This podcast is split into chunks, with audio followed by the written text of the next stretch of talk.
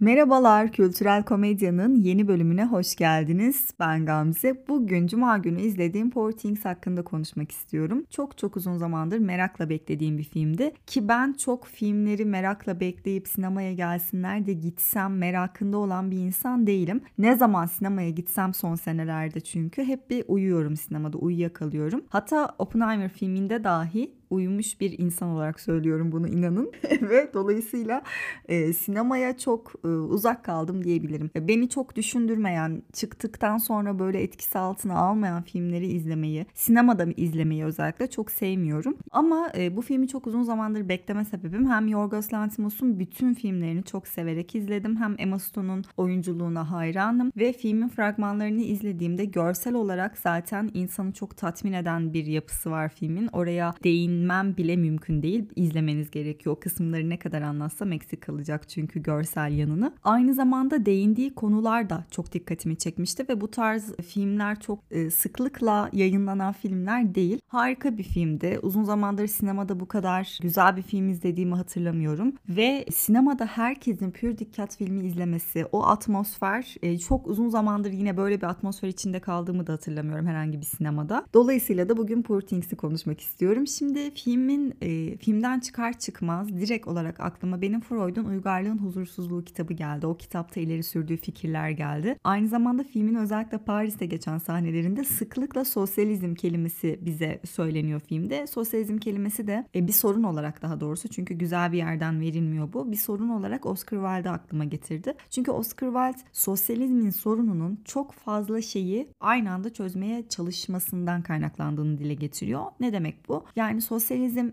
bizden çok fazla fedakarlık bekliyor. Yani bir soruna odaklansak ve onu çözmeye çalışsak, o sorunu önemsesek bile her zaman fazla sorunlar, farklı sorunlar ortaya çıkacak ve neyi ne kadar önemsersek her zaman bir fazlası ortaya çıkacak ve bunu aslında zaten genel ev sahnesinde görebiliyorsunuz. Yani aydınlanma yaşadıktan sonra kendini dünya barışına, dünyayı kurtarmaya adasa bile, bunun için genel evde çalışsa bile bu e, hayali, bu çabası aslında bir yerde çözümsüz kalıyor. Çünkü fazla fazla şeyler çıkıyor, fazla fazla ilgi alanları çıkıyor çıkıyor. E, başka sorunlar baş gösteriyor ve aslında asıl odaklandığı sorun genel eve girmesindeki problem bir şekilde arka planda kalıyor ve giderek zaten filmin geri kalanında e, bunun çok da mantıklı bir çözüm olmadığını görüyoruz. İlk olarak Freud'dan başlamak istiyorum ben şimdi. Çünkü Freud'un özellikle de id, ego ve süper ego konularındaki görüşleri filmde tamamen bize aşama aşama gösteriliyor. Şimdi filmin konusuna çok kısaca değinmek gerekecek burada. Çok spoiler vermek istemiyorum ama spoiler spoiler verilecek bir filmde olduğunu zaten çok düşünmüyorum. Yani filmi izlemeye başladığınızda sonu nereye bağlanacak acaba? Sonunda ne olacak? Ee, bir anlamı var mı sonunda gibi bakacağınız bir film olmadığı için söyleyeceklerimin çok spoiler olarak değerlendirileceğini, öyle bir gerilimin gizemin çözüleceği bir film olmadığı için bu kapsamda değerlendirileceğini düşünmüyorum açıkçası. Ee, bir kadın Frankenstein var filmde açıkçası. Çünkü bir şekilde hayatını sonlandırma kararı aldıktan sonra oldukça ilginç bir doktor tarafından kurtarılıyor ve bir bebeğin beyni hatta kendi kendi bebeğinin beyni o kadına veriliyor. Bir şekilde elektrik verilerek de kadın hayata geri döndürülüyor. Bu açıdan bilim kurgu öğeleri var zaten filmde. Şunu da söylemek istiyorum bilim kurgu öğeleri var deyince. Ben filmdeki bu yarı tavuk, yarı köpek, işte yarı domuz, yarı ördek hayvanları e, filmin ilk aşamasında bu siyah beyaz aşamasında henüz egosu devreye girmeden, gerçek dünyayla tanışmadan ki aşamalarında dünyayı sanki Bella'nın gözünden görüyormuşuz gibi ve o da tam olarak nesnelerin adını ezberlemediği için saçma sapan bir bebek gibi hatta isim isimler taktığı için sanki yarı köpek yarı domuz işte yarı köpek yarı horoz ıı, şeklindeki hayvanlar onun bir görüsü kavramdan kaynaklı bir görü sanmıştım ama filmin ilerleyen aşamalarında gerçekten de doktor tarafından yapılan mutant hayvanlar olduğunu anladığım için kendimle dalga geçmiştim. Onu da söyleyebilirim. Aslında bu kadın yani yetişkin bir kadının bebek beyniyle yeniden dünyaya gelmesi fizyolojik açıdan bir kadın bir yetişkin ama beyin açısından önceki hiçbir hafızası haliyle yok ve yeni bir beyin sıfır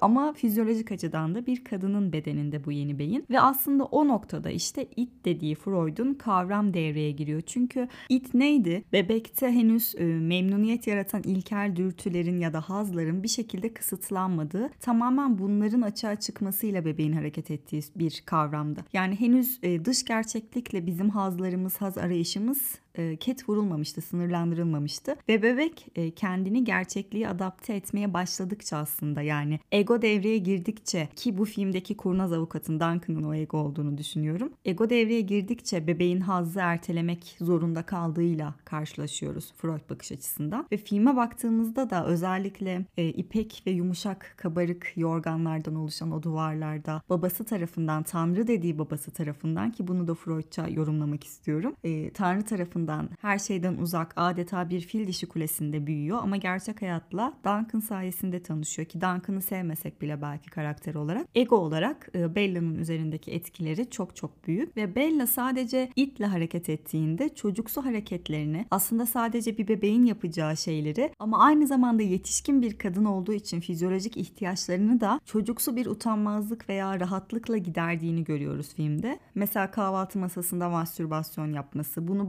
başkalarıyla konuşması, başkalarına teklif etmesi vesaire. Çünkü o onun için henüz cinsel şeyler yani haz uyandıracak, haz verici şeyler toplumun normları tarafından, toplum kuralları tarafından e, ket vurulmadı ve sınırlandırılmadı. Ayıp, günah gibi kavramlar da olmadığı için henüz onları bilmiyor. E, ama işte bu noktada ego devreye giriyor, Duncan devreye giriyor ve babasına yani onu yaratan o doktora devamlı tanrı olarak seslenmesi de aslında ve Freud'un mesela Jung'la arasının bozulmasındaki en büyük anlaşmazlık sebeplerinden birisi de maneviyat yönündeki farklı düşünceleri. Çünkü Jung biraz daha spiritüel ve e, o yanı biraz daha ağır basan bir psikanalist ama Freud dini bir e, saçmalık olarak görüyor. Yani dini bir yanılsama olarak görüyor. Ve filmde de zaten dine ya da dini olgulara hiçbir şekilde yer verilmediğini görebiliyorsunuz. Bir kişiliğin gelişme aşamasında ya da bir çocuğun topluma kazandırılma aşamasında o veya bu şekilde Allah, Tanrı, ayıp, günah, haram yani dini açıdan bunları söylüyorum. Bir şekilde duyuyor. Ailesinden duymasa toplumdan duyuyor ama filmde bunlara hiç yer verilmemiş. Tek dini öğe belki de evlilik sahnesi ve babasına e, babası olarak değerlendirdiğimiz yani onu yaratan doktora Tanrı olarak seslenmesi. Çünkü aslında ve filmde şunu da dikkatinizi çekmiştir. Filmin başında babası onun için çok kutsal bir varlık. Tanrı olarak onu koruyan, kollayan, hiçbir şekilde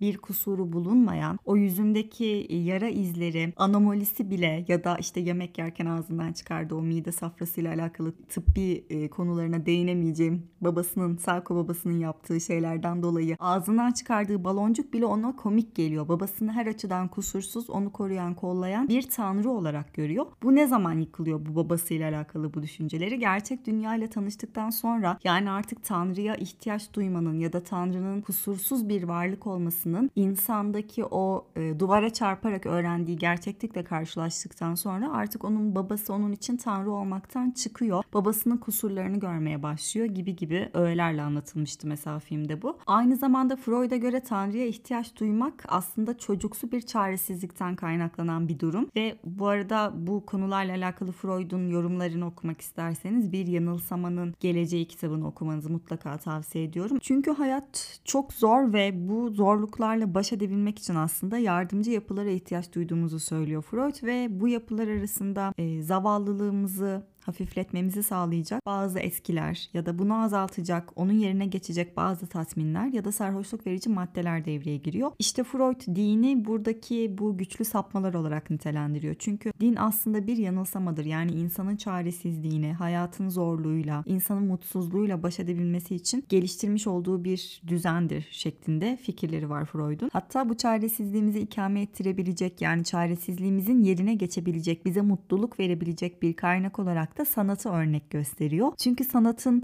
her ne kadar kurgu olsa da o kurgunun e, ruhsal yaşam üzerindeki rolü sayesinde bizim hayata karşı duyduğumuz zavallılığı ve mutsuzluğu hafifletebilecek ya da o duyguları azaltabilecek bir tatmin kaynağı olduğunu dile getiriyor. Oscar Wilde de aynı görüşte. Ona göre de mesela sanat tamamıyla ahlaka aykırı olduğu için aslında bu estetik yanı etik kuralların üstünde olduğu için insanı mutlu edebilecek şeyler arasında yine ve aslında bu fikirlerindeki sarhoşluk verici maddelere yönelme tipi bizi filmdeki Duncan karakterine götürüyor. Çünkü çok çok fazla içki içen, kumar oynayan bir alkolik tiplemesi var filmde Duncan'la alakalı. E, bunun sebebi de şu, bu tarz alışkanlıklar bir insan için efkar dağıtıcı şeyler. Ne açıdan efkar dağıtıcı şeyler? Çünkü bu maddeler haz verdikleri kadar insanın dış dünyanın e, acılarını görmesini engelleyen veya dış dünyadan insanı e, soyutlayan, oradan bağımsızlaştırılmasını sağlayan şeyler. Ve Freud'a göre bir insanın belki de mutlu olabilmesi için gerçekle tüm bağını bir şekilde at, atması gerekiyor. Ve bunu da zaten İskenderiye sahnelerine kadar karşılaştık bununla da. İskenderiye sahnesine kadar çok dekadan bir hayat sürüyor e, Bella karakteri. Aynı zamanda hiçbir şekilde suçluluk duygusu veya vicdani bir yönü devrede değil. Suçluluk duygusu hissetmiyor hiçbir şeyle alakalı. Ki zaten Freud'a göre suçluluk duygusu süperego ve ego arasındaki gerilimden kaynaklanan bir duygu. Onu da nerede karşılaşmıştık? Ben kimim ki e, kuş tüyü yataklarda yatıyorum. Ben kimim onlar açlıktan ölürken kuş tüyü yataklarda yatıyorum şeklinde isyan etmişti mesela. Aslında süperegoda vicdanın baş göstermesi için e, dışsal bir engelleme gerekiyor insana. Çünkü bir insanın işleri yolunda gittiği sürece vicdanı henüz devrede değildir Freud'a göre. Ve Bella karakteri de Portekiz'deyken her ne kadar Duncan'la birlikte olsa da kendi istediğini de kendi zam istediği zaman yapabiliyordu ama gemi yolculuğu esnasında yapabilecekleri kısıtlı. Duncan karakteri sayesinde bir kısıtlamaya alındı ve bu şekilde artık yavaş yavaş vicdanı baş göstermeye çalışıyor ve bu şekilde artık insanın kendini geliştirip geliştiremeyeceği ile alakalı e, etik ya da felsefi sorunlarla ilgilenmeye başlıyor, kitap okumaya başlıyor vesaire. Bunların hepsi kısıtlanmaya başladığı zaman devreye giren huyları, karakter özellikleri olmuştu. Dediğim gibi Freud'a göre şanssızlık baş gösterdiği zaman vicdan devreye giriyor. Yani süperego ve ego arasındaki gerilim e, suçluluk duygusunu ortaya çıkarıyor ki bunu da zaten bu vicdanın devreye girmesi, suçluluk duygusunun devreye girmesi,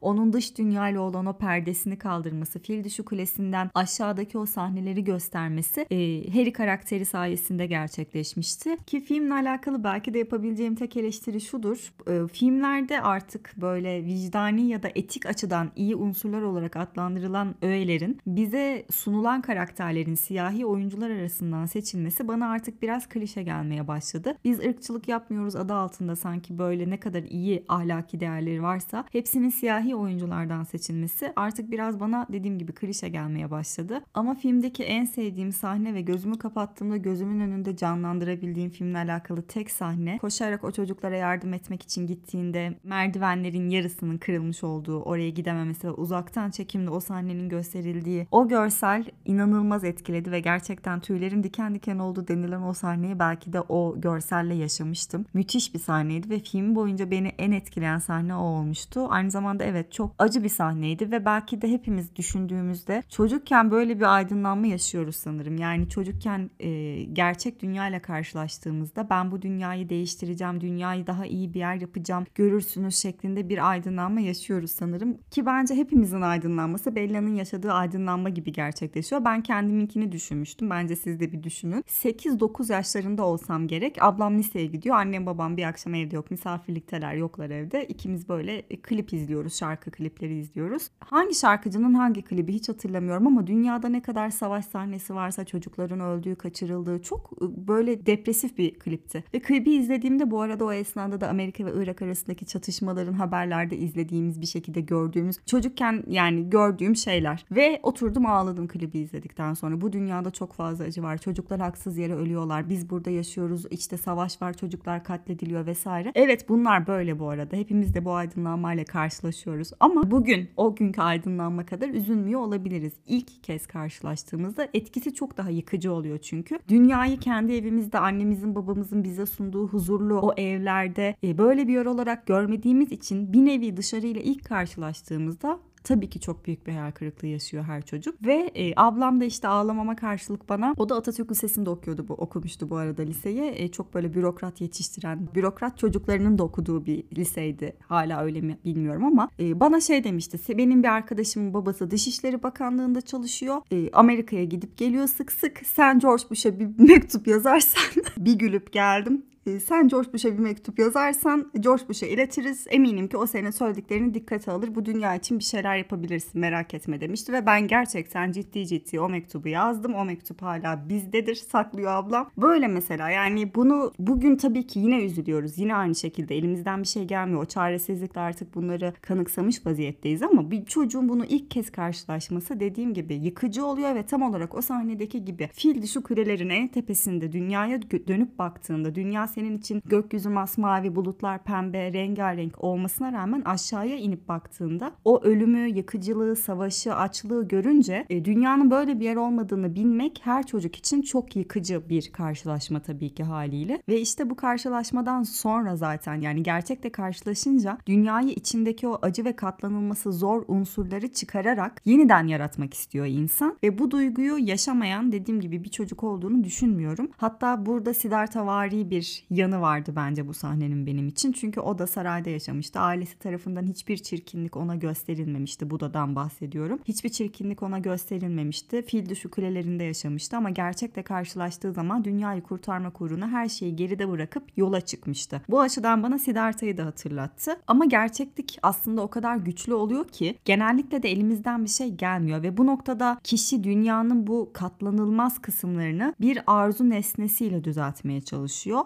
ki dinler de bu nesnelerden birisi mesela ya da sevgi ve aşk bu nesnelerden birisi. Cinsellik bu nesnelerden birisi ki dünyayı değiştirmek uğruna genel eve giriyor mesela. Cinselliği yaşadığı bir yere giriyor. Filmde de söylenen Freudça da bakıldığında e, insanın temel mutsuzluk sebeplerinden birisinin uygarlık ve medeni toplum olduğunu söylemek istiyorum son olarak. Yani insanlar toplumun kültürel ideallerinin üzerlerine dayattıkları o yandan bizleri engellemesinden dolayı Freud'a göre nevrotikleşiyorlar. Filme göre baktığımızda ya da daha belki gerçekçi açıdan bakmak gerekirse mutsuzlaşıyorlar. Freud'un düşüncelerini günümüze yorumlamak gerekirse yaşadığımız toplumlarda bir bireyin hayatının belli başlı evrelerinde yapması, sahip olması ya da yapmaması artık bırakması gereken o kadar çok huy, karakter özelliği, iş, başarı, aile kurması, çocuk yapması vesaire vesaire o kadar fazla toplum tarafından dayatılan yapmazsanız ya da yaparsanız her an üzerinizde bunu neden yaptın, bunu neden yapmadın, hala neden var, hala neden yok soruları o kadar çok geliyor ki belki de modern toplumlarda, modern uygarlıklardaki mutsuzlukların sebebinin birisi de budur diye düşünüyorum. Ve bir insanın gelişimi için iki tane itici güç var içimizde hissettiğimiz. Birisi daha bencil, diğeri ise daha özgeci. Yani ne demek? Bencil olan daha mutluluğa yönelik, özgeci olan daha topluluğa yönelik. Toplulukta başkalarıyla birleşmeye ve başkaları için de bir şey yapmaya yönelik özgeci davranıştan düşünebilirsiniz. Ve bu iki güç her insanın içinde mücadele halinde ve bu iki gücün mücadelesi nedeniyle zaten uygar insanlar, uygar toplumlarda bir mutsuzluk ya da nevroz baş gösteriyor. Filmde de bunu görebilirsiniz. Ve belki de bu özgeci davranışla alakalı ya da toplum için, topluluk için cümlesindeki bu içindeki cevabı Nietzsche'de bulabiliriz. Çünkü o da böyle buyurdu Zerdüşt eserinde artık bırakın şu içinleri diye haykırıyordu hatırlarsanız. Umarım filmi izlersiniz ve umarım beğenirsiniz. Sizler de film hakkındaki yorumlarınızı Instagram üzerinden bana yazabilirsiniz. Bir sonraki bölümde görüşmek üzere. Kendinize iyi bakın. Hoşçakalın. Bay bay.